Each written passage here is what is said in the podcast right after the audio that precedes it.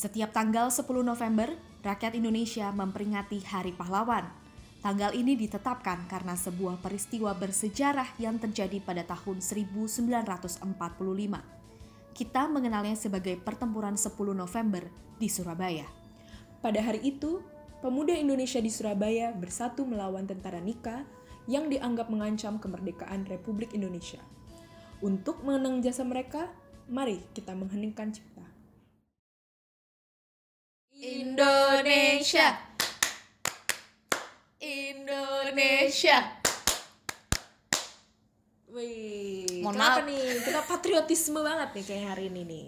Kita lagi memperingati 10 November kan kemarin baru apa Hari Pahlawan Ambience-nya masih berasa Iya, ya. walaupun seperti sedang mendukung AA badminton ya di sini. AA banget. Indonesia. Ayo Pin.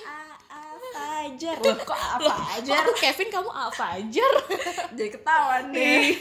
nah, Kenapa sih kita eh, harus menghormati eh, Hari Pahlawan walaupun memang harus ya karena mereka yang berjuang untuk negara kita. iya, iya kan ya itu karena mereka berjuang untuk negara kita dan mereka banyak yang gugur Pahla- pahlawan-pahlawan kita tuh banyak yang gugur dan mungkin kita nggak tahu namanya Iya kayak betul. gitu dan gak cuma pas tanggal 10 November sih Sebenarnya. karena proses menuju kemerdekaan di Indonesia itu kan berlangsung lama Bet- banget betul gak banget, sih betul kayak banget. gitu nggak cuma dari tanggal sebelum 1945 Iya. sebelum BP, BPUPKI terbentuk tapi sebenarnya banyak banget perjuangan-perjuangan yang kita tidak terekspos oleh buku sejarah kita kan. betul sekali tapi kalau misalkan bicara soal 10 November itu sangat heroik dan wajar sih kalau misalkan jadi uh, salah satu penanda zaman selain kayak agresi militer satu Betul. agresi militer dua gitu kan. Memorable lah ya. Memorable pertempuran- karena memang uh, itu di sebuah kota yang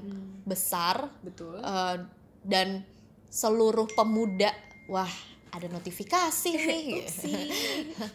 Seluruh seluruh pemuda Surabaya waktu Iya. itu berjuang bersama-sama untuk melawan tentara Eh, nikah Nika yang diboncengi Belanda atau Belanda yang diboncengi Nika ya pokoknya Belanda mereka saling memboncengi ya Iya, betul sekali. mereka saling membonekakan ya Betul, kayak gitu betul. Terus selain itu juga banyak banget nih yang gugur kan pahlawan-pahlawan di situ kan.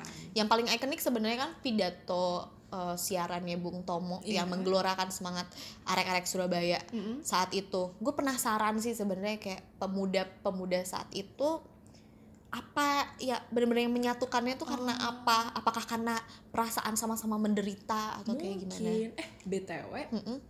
kakek aku tuh juga ada tahu di salah satu menjadi pejuang di pertempuran 10 November ini. oh ya Iya. berarti bagian dari arek Surabaya Surabaya Oh. yang mendengarkan pidatonya Bung Tomo sekaligus berjuang. oh gitu Jadi eh, kakekku itu mantan tentara yang ikut berjuang di pertempuran 10 November nih.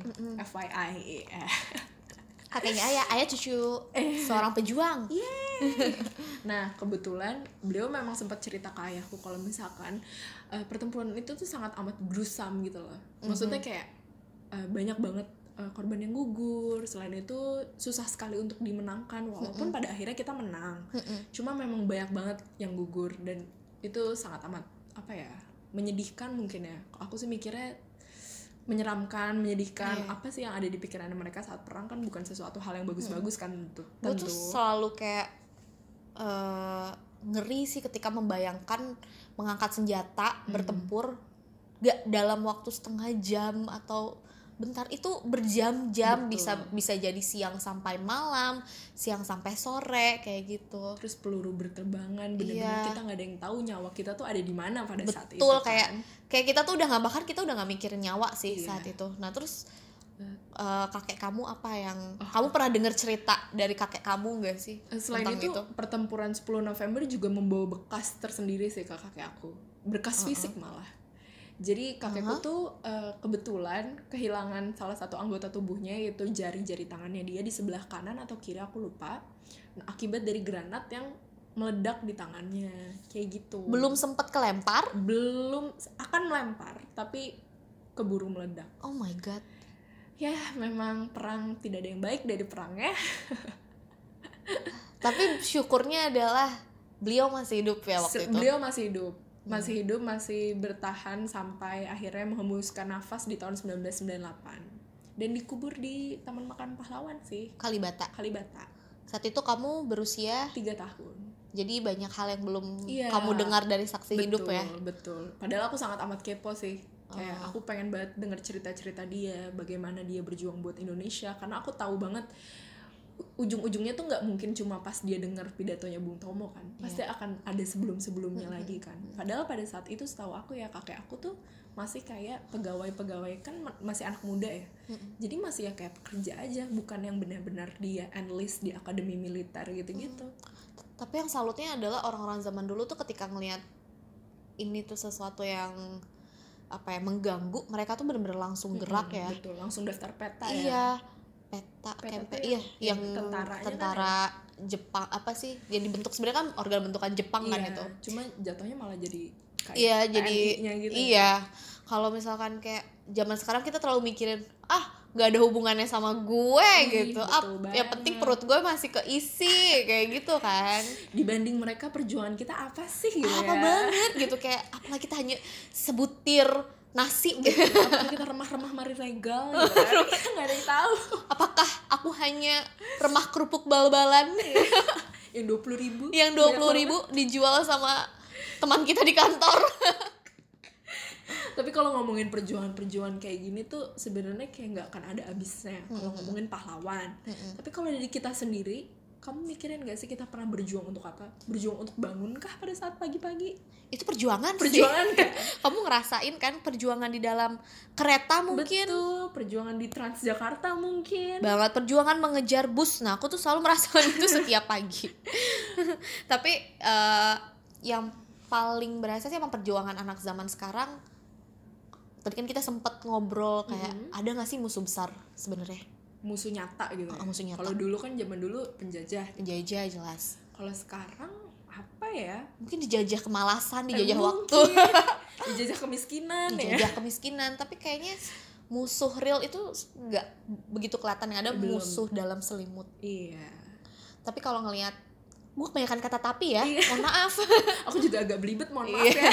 tapi sebenarnya eh, sekarang tuh perjuangan belum berhenti makin banyak orang-orang yang berjuang bahkan bentuknya memang kolektif dan makin luas sebenarnya perjuangannya betul, betul. banyak hal yang sebenarnya belum selesai dari setelah pasca kemerdekaan Betul. Indonesia tuh masih berjuang untuk masalah perempuan hak hak perempuan hak asasi manusia terus eh, bahkan perjuangan melawan kemiskinan tadi kita Betul. udah sempat bahas perjuangan melawan kebodohan Ah, betul banget. kalau menurut kamu nih Kalau aku yang aku lagi aku rasa sedang aku perjuangkan adalah perjuangan melawan hoax sih. oke kamu kamu ini ya Menteri Kominfo mungkin. bagian dari masyarakat yang akan dipolitisasi ya Eh, enggak, pokoknya aku tuh tipe-tipe aku lagi bener-bener concern sih sama penyebaran berita-berita hoax saat ini. Karena korbannya adalah salah satu orang terdekat aku juga, ibu aku, keluarga aku dari eh, berita-berita hoax di WhatsApp. Itu kan menyebar gampang banget karena sekarang banyak banget platform buat nge-share nge-share berita-berita yang seperti itu kan. iya Nah, dulu waktu aku kuliah, aku tuh belajar yang namanya critical thinking. Jadi apa pun sumber yang kita dapatkan, itu tuh kita harus mempertanyakan, itu sumber dari mana, valid apa enggak, siapa yang menulis, ada bias apa enggak, seperti kayak gitu.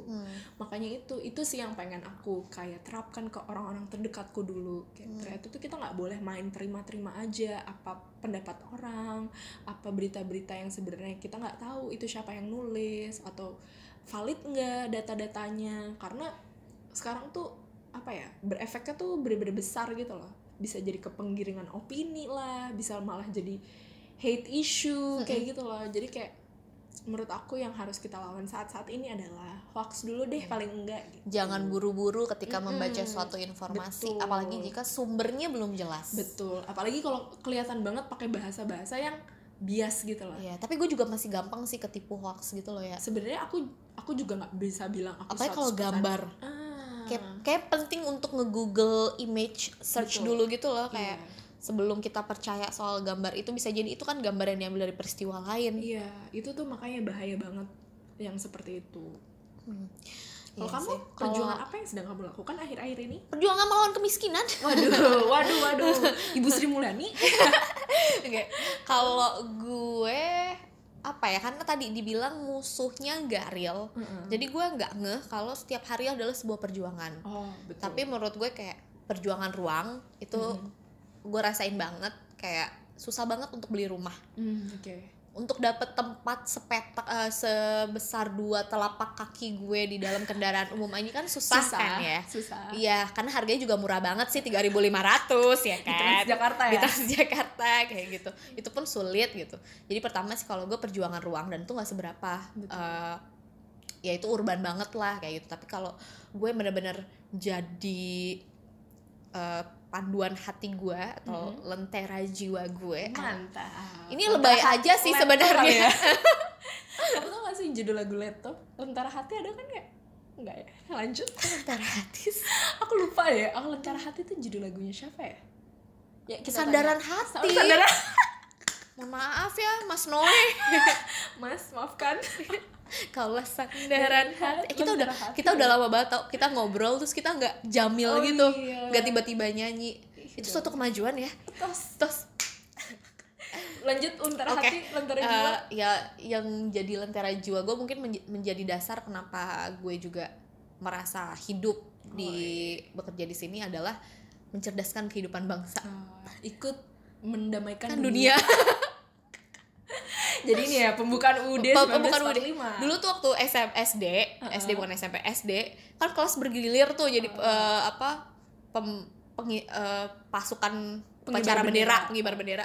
Gue yang baca UUD. Oh pantas. Tadi Iya. pas baca berita, uh cocok banget tuh kayaknya. Ayo coba yang mana tebak suara aku, suara ayah yang mana. Pokoknya aku tuh yang letoy aja.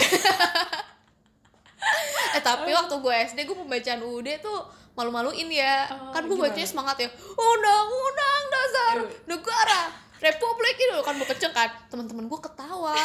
Jadi bukan teman-teman gue sih kayak anak-anak sekolahan tuh kayak mungkin ngetawain suara gue yang terlalu Eh, bersemangat. oh.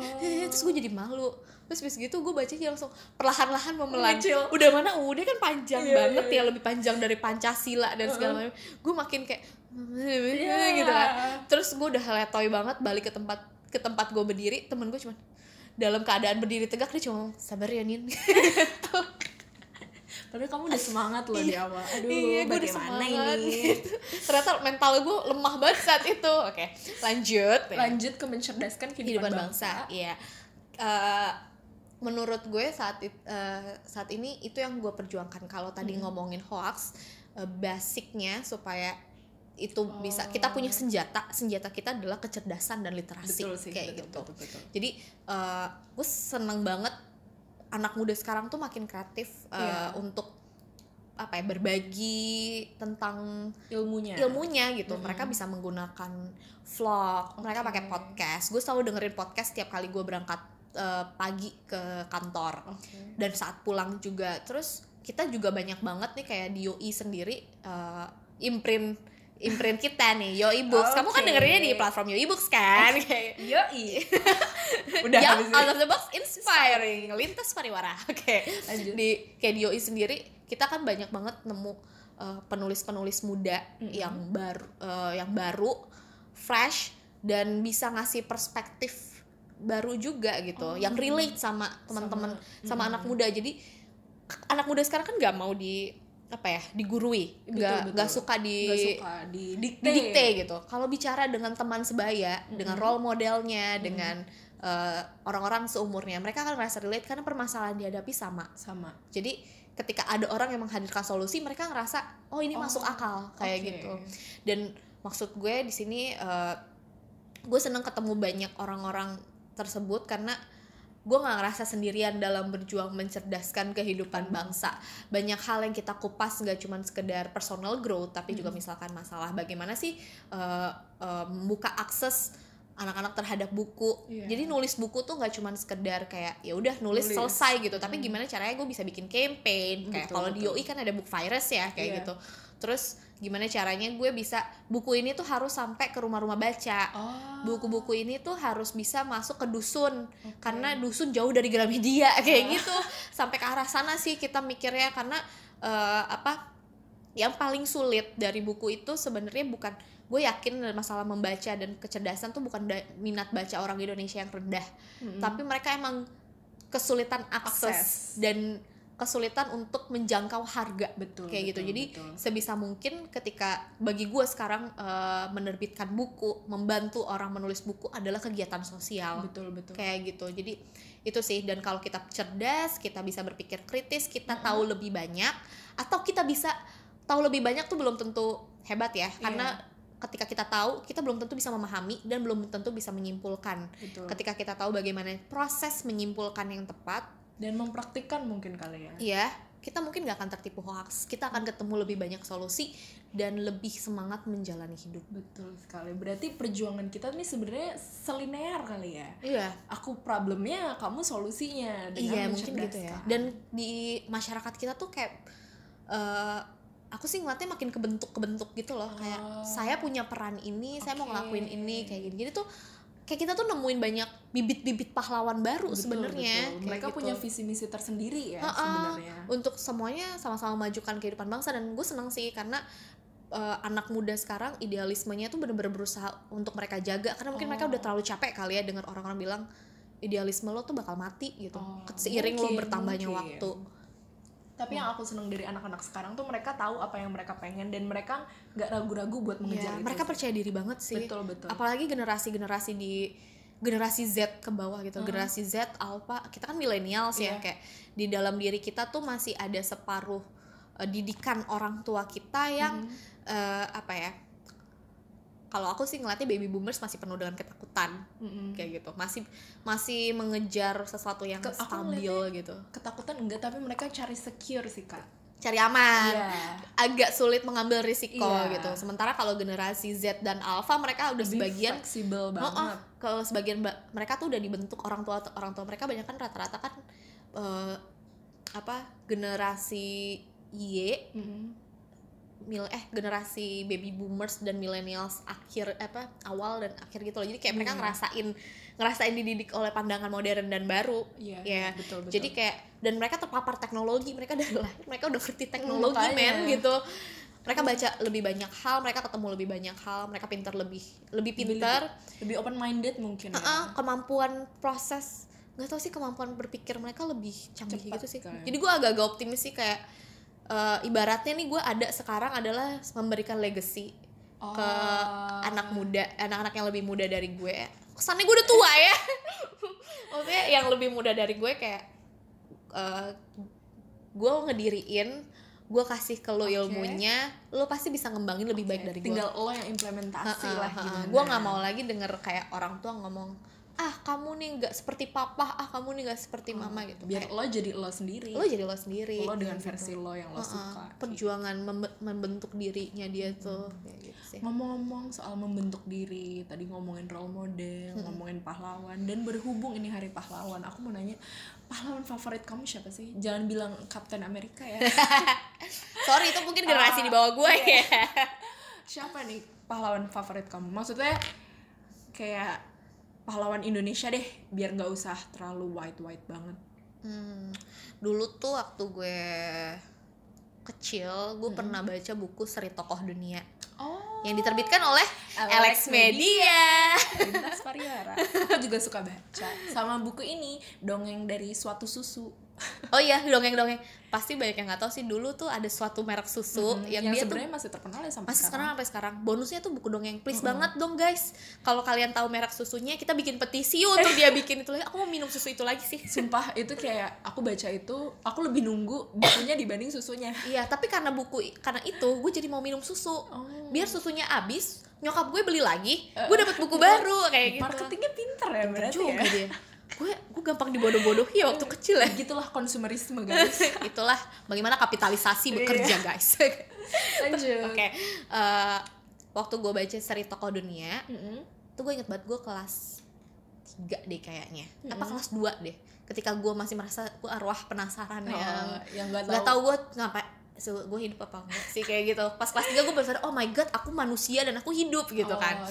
nah waktu itu gue nemu di perpustakaan Walt Disney. Oh. seri tokoh dunia Walt Disney tentang kayak gitu. cerita hidupnya ya berarti? Heeh, dan itu tuh eh, bagus banget sih. Dan gue baru sadar bahwa di dunia ini tuh ada tokoh-tokoh hebat. Betul. dan mereka hidup di masa lalu kayak gitu. Tapi bukan eh, apa ya dan gu- mereka bukan orang-orang yang hebat-hebat. Gimana maksudnya bukan orang yang berasal dari peristiwa yang gimana banget gitu loh ya. Oke. dan itu pertama kalinya gue ngerasa terpapar sama eh, sama value. Oh jadi kamu lebih terkesan sama value dibanding sama cerita mereka gitu? Mm-mm, jadi kayak gue ngeliat oh dari dari di dari tokoh dari ceritanya oh dia menghadapi masalah ini dia mempraktikkan solusi kayak gini oh dia punya nilai-nilai hidup seperti ini. Itu lebih ngena di gue. Dan Oh. gue ngebandingin sama kan gue gara-gara baca itu gue jadi sangat suka gue pengen banget belajar sejarah kayak Oh, gitu. oke oke oke. Gue kayaknya tuh belajar pelajaran sejarah tuh baru ada pas gue kelas 4 SD jadi gue tuh semangat banget pengen naik kelas. Oh biar gitu. bisa belajar sejarah. biar bisa belajar sejarah. Tapi ketika gue masuk ke pelajaran sejarah gue buka buku. Ternyata. Isinya peristiwa semua. Betul, gue harus betul, ngafalin tanggal gue harus ngafalin nama. Betul. oke names and place is important gitu. Tapi gue mau dapat lebih. Gue mau tahu mengapa gue harus menghayati hal tersebut gitu kenapa gue harus meneladani hal, Hal tersebut. tersebut. karena kan kalau kenapa kita belajar sejarah agar kita tidak mengulang suatu kesalahan di masa lampau tapi Betul, kita nggak pernah dikasih tahu kesalahan-kesalahan dalam sejarah itu apa Betul. saja betul Nah, sekali jadi kalau misalkan dihubungin sama siapa tokoh eh, apa ya, tokoh inspiratif is- sekali ya pahlawan, yang gue Pahlawan. suka. Pertama kali gue bersentuhan sama value seorang tokoh itu justru Kartini, oh ibu Kar- ibu kita kartini? Ibu kita Kartini. Dan itu yang bikin gue mungkin ngerasa relate dan mengidolakan. Ya tanpa kalau misalkan mau dibilang siapa yang gue harus kagumi ya gue harus put respect sama semua Semuanya. pahlawan sih tentu kayak tentu. Heeh, tapi mungkin yang paling gue ngerasa relate waktu itu tuh ibu kita ibu kartini. Karena eh, kita sampai sekarang nggak pernah megang itu buku habis gelap Iya, terbitlah betul. terang kita cuma tahu gimana sih Iya. premisnya surat-surat dia untuk sahabatnya dia di Belanda kayak dan gitu gue mencari tahu apa sih sebenarnya eh, di balik kisahnya dia yang membuka sekolah Oh. sampai akhirnya mungkin dia menyerah da- dengan keadaan dia menikah dan banyak orang yang kayak ah kartini kan juga ujung-ujungnya nikah dan jadi istri keempat kayak gitu-gitu gue mencoba mencari tahu eh, sebenarnya apa sih yang ada di isi kepalanya dan sebenarnya harusnya kan kita baca bukunya tapi betul. untungnya di masa yang maju ini kita nemu banyak Akses. artikel Oke. akses kayak gitu dan di situ pertama kali gue baca kayak oh Kartini ternyata orang yang sangat radikal ya dan Oh. dia mungkin lebih berani untuk mengemukakan pendapatnya kali ya gue jadi bersentuhan sama pemikirannya Oke. dan pemikirannya itu waktu itu ya radikal banget sih menurut gue kayak nggak nggak lazim lah di masa iya itu. dia mempertanyakan kodrat perempuan mempertanyakan posisi perempuan dalam agama. Padahal dia sebenarnya orang yang kalau gue dapat kesan dari artikel itu sebenarnya dia saleh juga sih kayak Hmm. Oke. gitu. dan dia or- anak yang berbakti dia nggak pengen eh, rebel gitu rebel. bukan? dia nggak pengen. Dia walaupun ada kesan emang dia rebellious sih. Oh. Kayak gitu. Makanya dia bisa bikin sekolah makanya dia bisa ngelakuin banyak hal. Dan untungnya dia silver spoon sebenarnya. Iya bener-bener dia punya akses untuk itu. Dan orang yang punya akses itu adalah pengubah pertama sih menurut gue. Betul. kayak gitu. Kayak orang yang bilang money doesn't mean everything salah sih sebenarnya. Iya. Sebenarnya mau nggak mau money does mean everything. Iya. Tapi juga gak berarti uh, tanpa money lu nggak bisa ngapa-ngapain kayak gitu. Karena semua balik lagi berjuang. Iya berjuang. Dan ya mungkin kalau misalkan dilihat halangan tantangannya kartini adalah saat itu kultur feodal Oh. ya kan? Mm-mm. mungkin bagi orang-orang kayak kita tantangan kita lah kita nggak punya uang banyak. Iya. Tapi bisa kan ngelakuin sesuatu kayak gitu. Dan kalau misalkan ngomongin itu lagi ya Mm-mm. Kartini bikin gue sadar ada orang yang hidup day to day untuk ngejalanin passionnya dia. Oh Kayak jadi gitu kamu loh. bisa relate ah. situ. Agak lebay sih gue ngomongnya passion ya gitu. Tapi gue ngerasa itu passionnya dia sih Hmm. eh, untuk memperjuangkan emansipasi, emansipasi perempuan dalam dunia pendidikan dan mempertanyakan posisi perempuan. Oh. Kayak gitu untuk memperjuangkan hak perempuan dia ngapain? Kayaknya belum sampai memperjuangkan hak perempuan apa gimana ya. Tapi itu sih maksudnya pemikirannya dia itu sudah mengarahkan dia kepada peran suatu peran dia harus melakukan suatu perubahan dan gue ngerasa wow kalau gue sebagai manusia apa pun yang gue ngerasa Mm-mm. gue punya kapabilitas itu harus gue bisa jalankan demikian Oh begitu.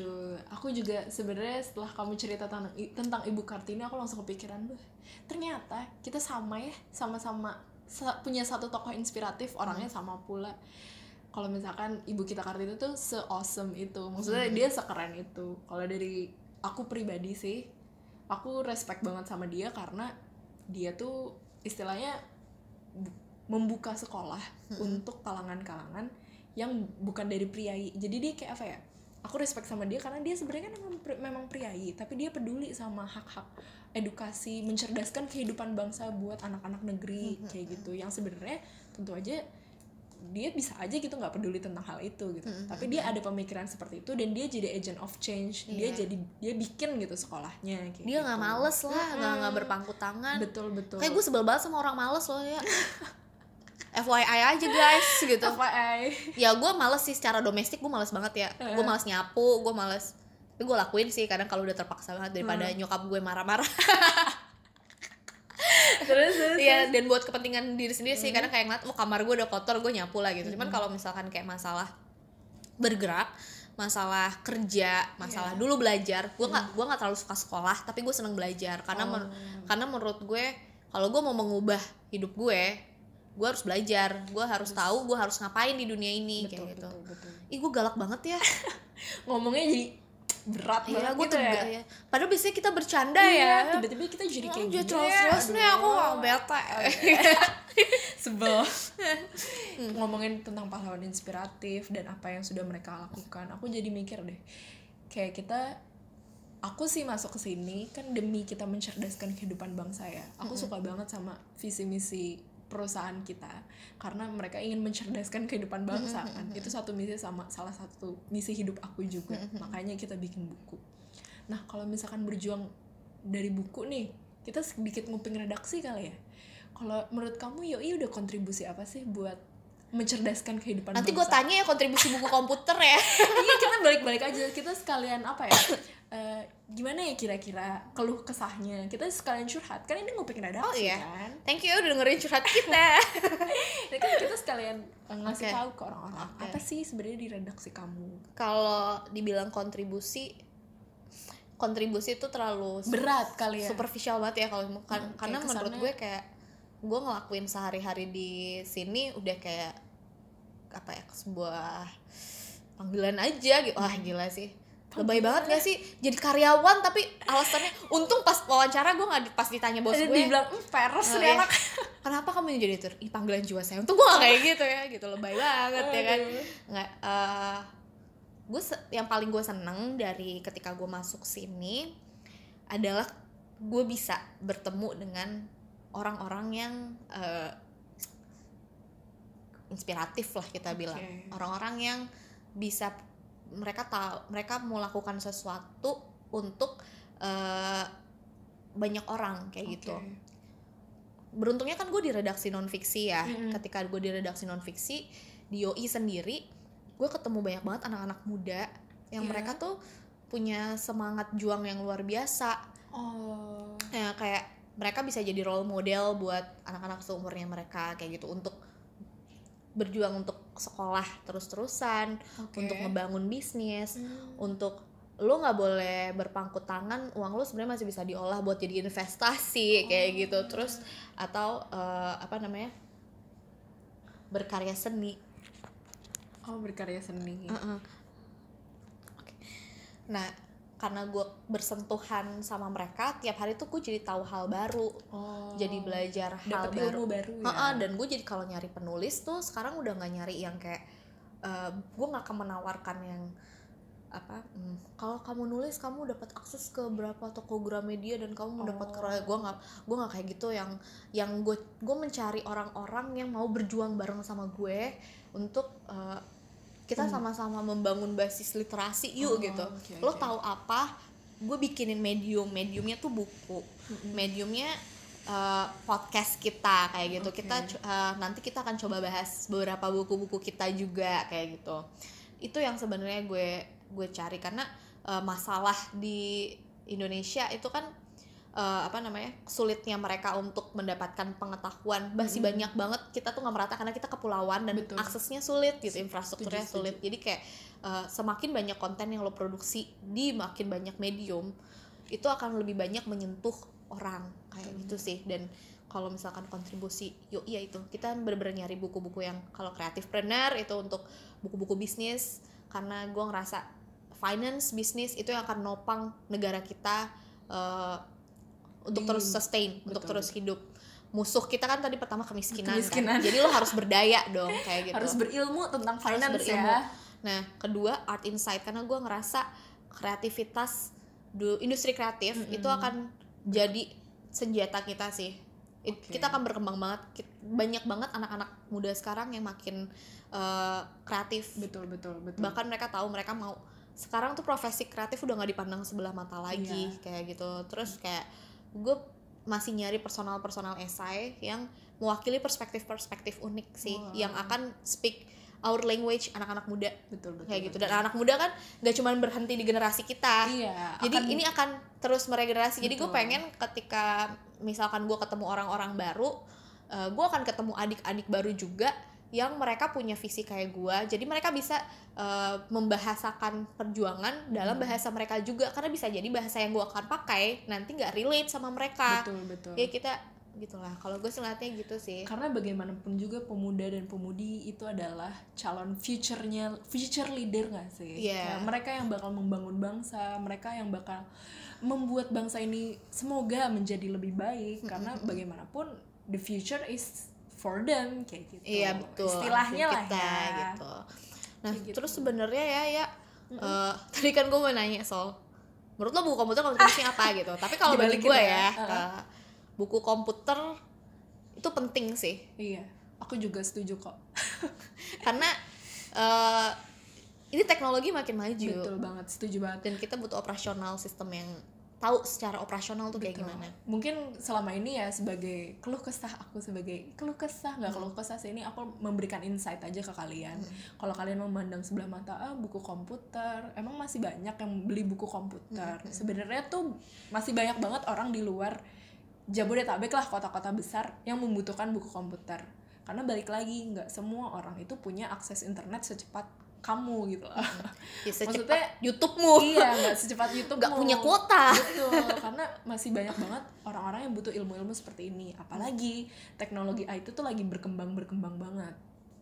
Karena mas jangankan masa depan deh sekarang deh kita lihat siapa sih orang yang nggak pegang smartphone gitu. Loh semua bentuknya tuh udah cashless masalah uang juga udah cashless. Sekarang tuyul pun udah nggak laku kan? Iya babi ngepet. Kita udah gak pernah denger Nggak kan. denger kan? Itu semua karena semuanya tuh udah pakai smartphone pakai IT berbasis IT Iya. nah makanya itu aku tuh ngelihat ini tuh sebagai field yang berpeluang banget. Hmm, nah selain itu juga kalau dibilang kontribusi sih aku juga sebenarnya agak-agak salah sih tadi menggunakan kata kontribusi itu terlalu berat kayaknya. Heeh. mungkin lebih kita sekarang berjuang untuk membuka mata-mata anak-anak di Indonesia atau orang tua atau siapa pun deh semua masyarakat buat lebih melek IT lah istilahnya Hmm, kayak gitu hmm, hmm, hmm. karena selama ini yang dipikir kayak bikin website itu sulit atau bikin pemrograman itu sulit itu tuh sebenarnya nggak juga karena di buku itu akan dikasih kok basic-basicnya nggak cuma bener-bener praktik praktikalnya doang kayak gitu jadi Iya. semua tuh sekarang bisa jadi wah, jadi programmer bisa jadi web developer kayak gitu Makin banyak profesi baru ya. Betul. Gara-gara apa sih?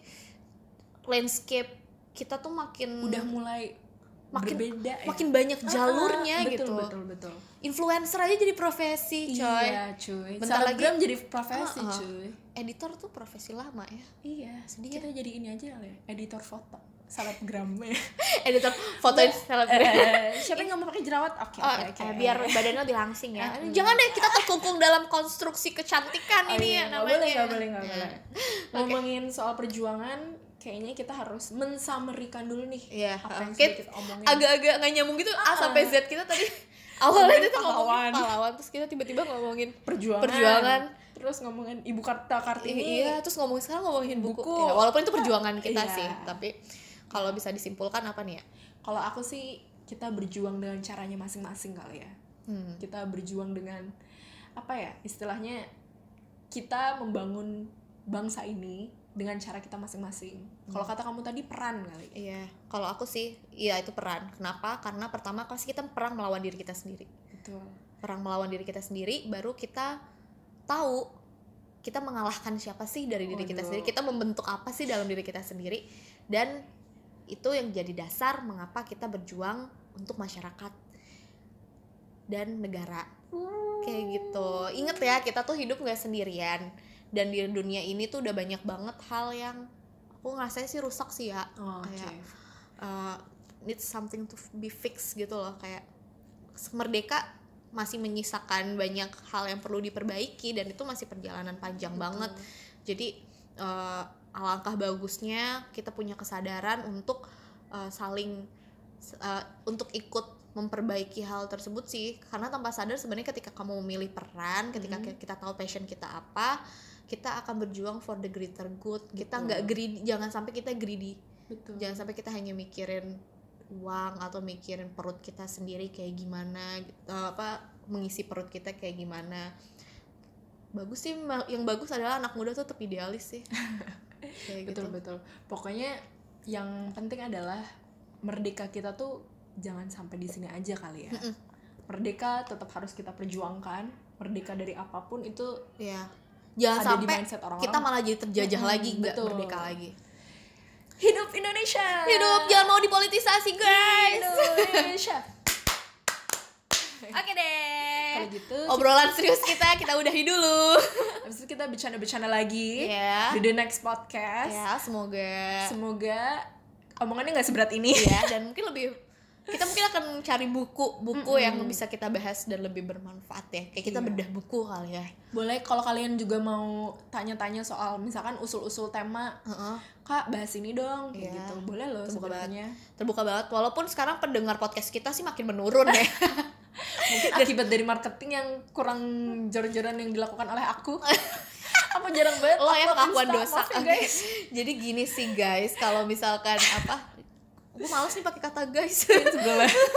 Jadi eh, ya walaupun kita tahu yang dengerin kita anak-anak Alex juga kita berharap teman-teman bisa ikut co-creation da- co-creation dalam podcast kita ini. Betul. Karena kita terbuka banget sama apa pun masukan kalian. Iya, mau kalian bilang aku cringe, juga nggak apa-apa aku terima aku tahu kok tahu aku sadar. jadi kalau gitu kita eh, pamit mundur dulu kali Iya, ya mundur cantik. karena aku mau yoga Enak banget. Aku mau pulang. ya udah deh Enggak sih aku balik ke meja redaksi abis iya aku juga kerjaan. aku balik juga ke meja redaksi yoga yoga aja Oke deh. Dadah. Dadah. Dadah. Terima kasih sudah mendengarkan. Iya. Hai, gimana? Udah dengerin kita tadi kan? Kalau gitu jangan lupa Like, follow, subscribe, comment, share.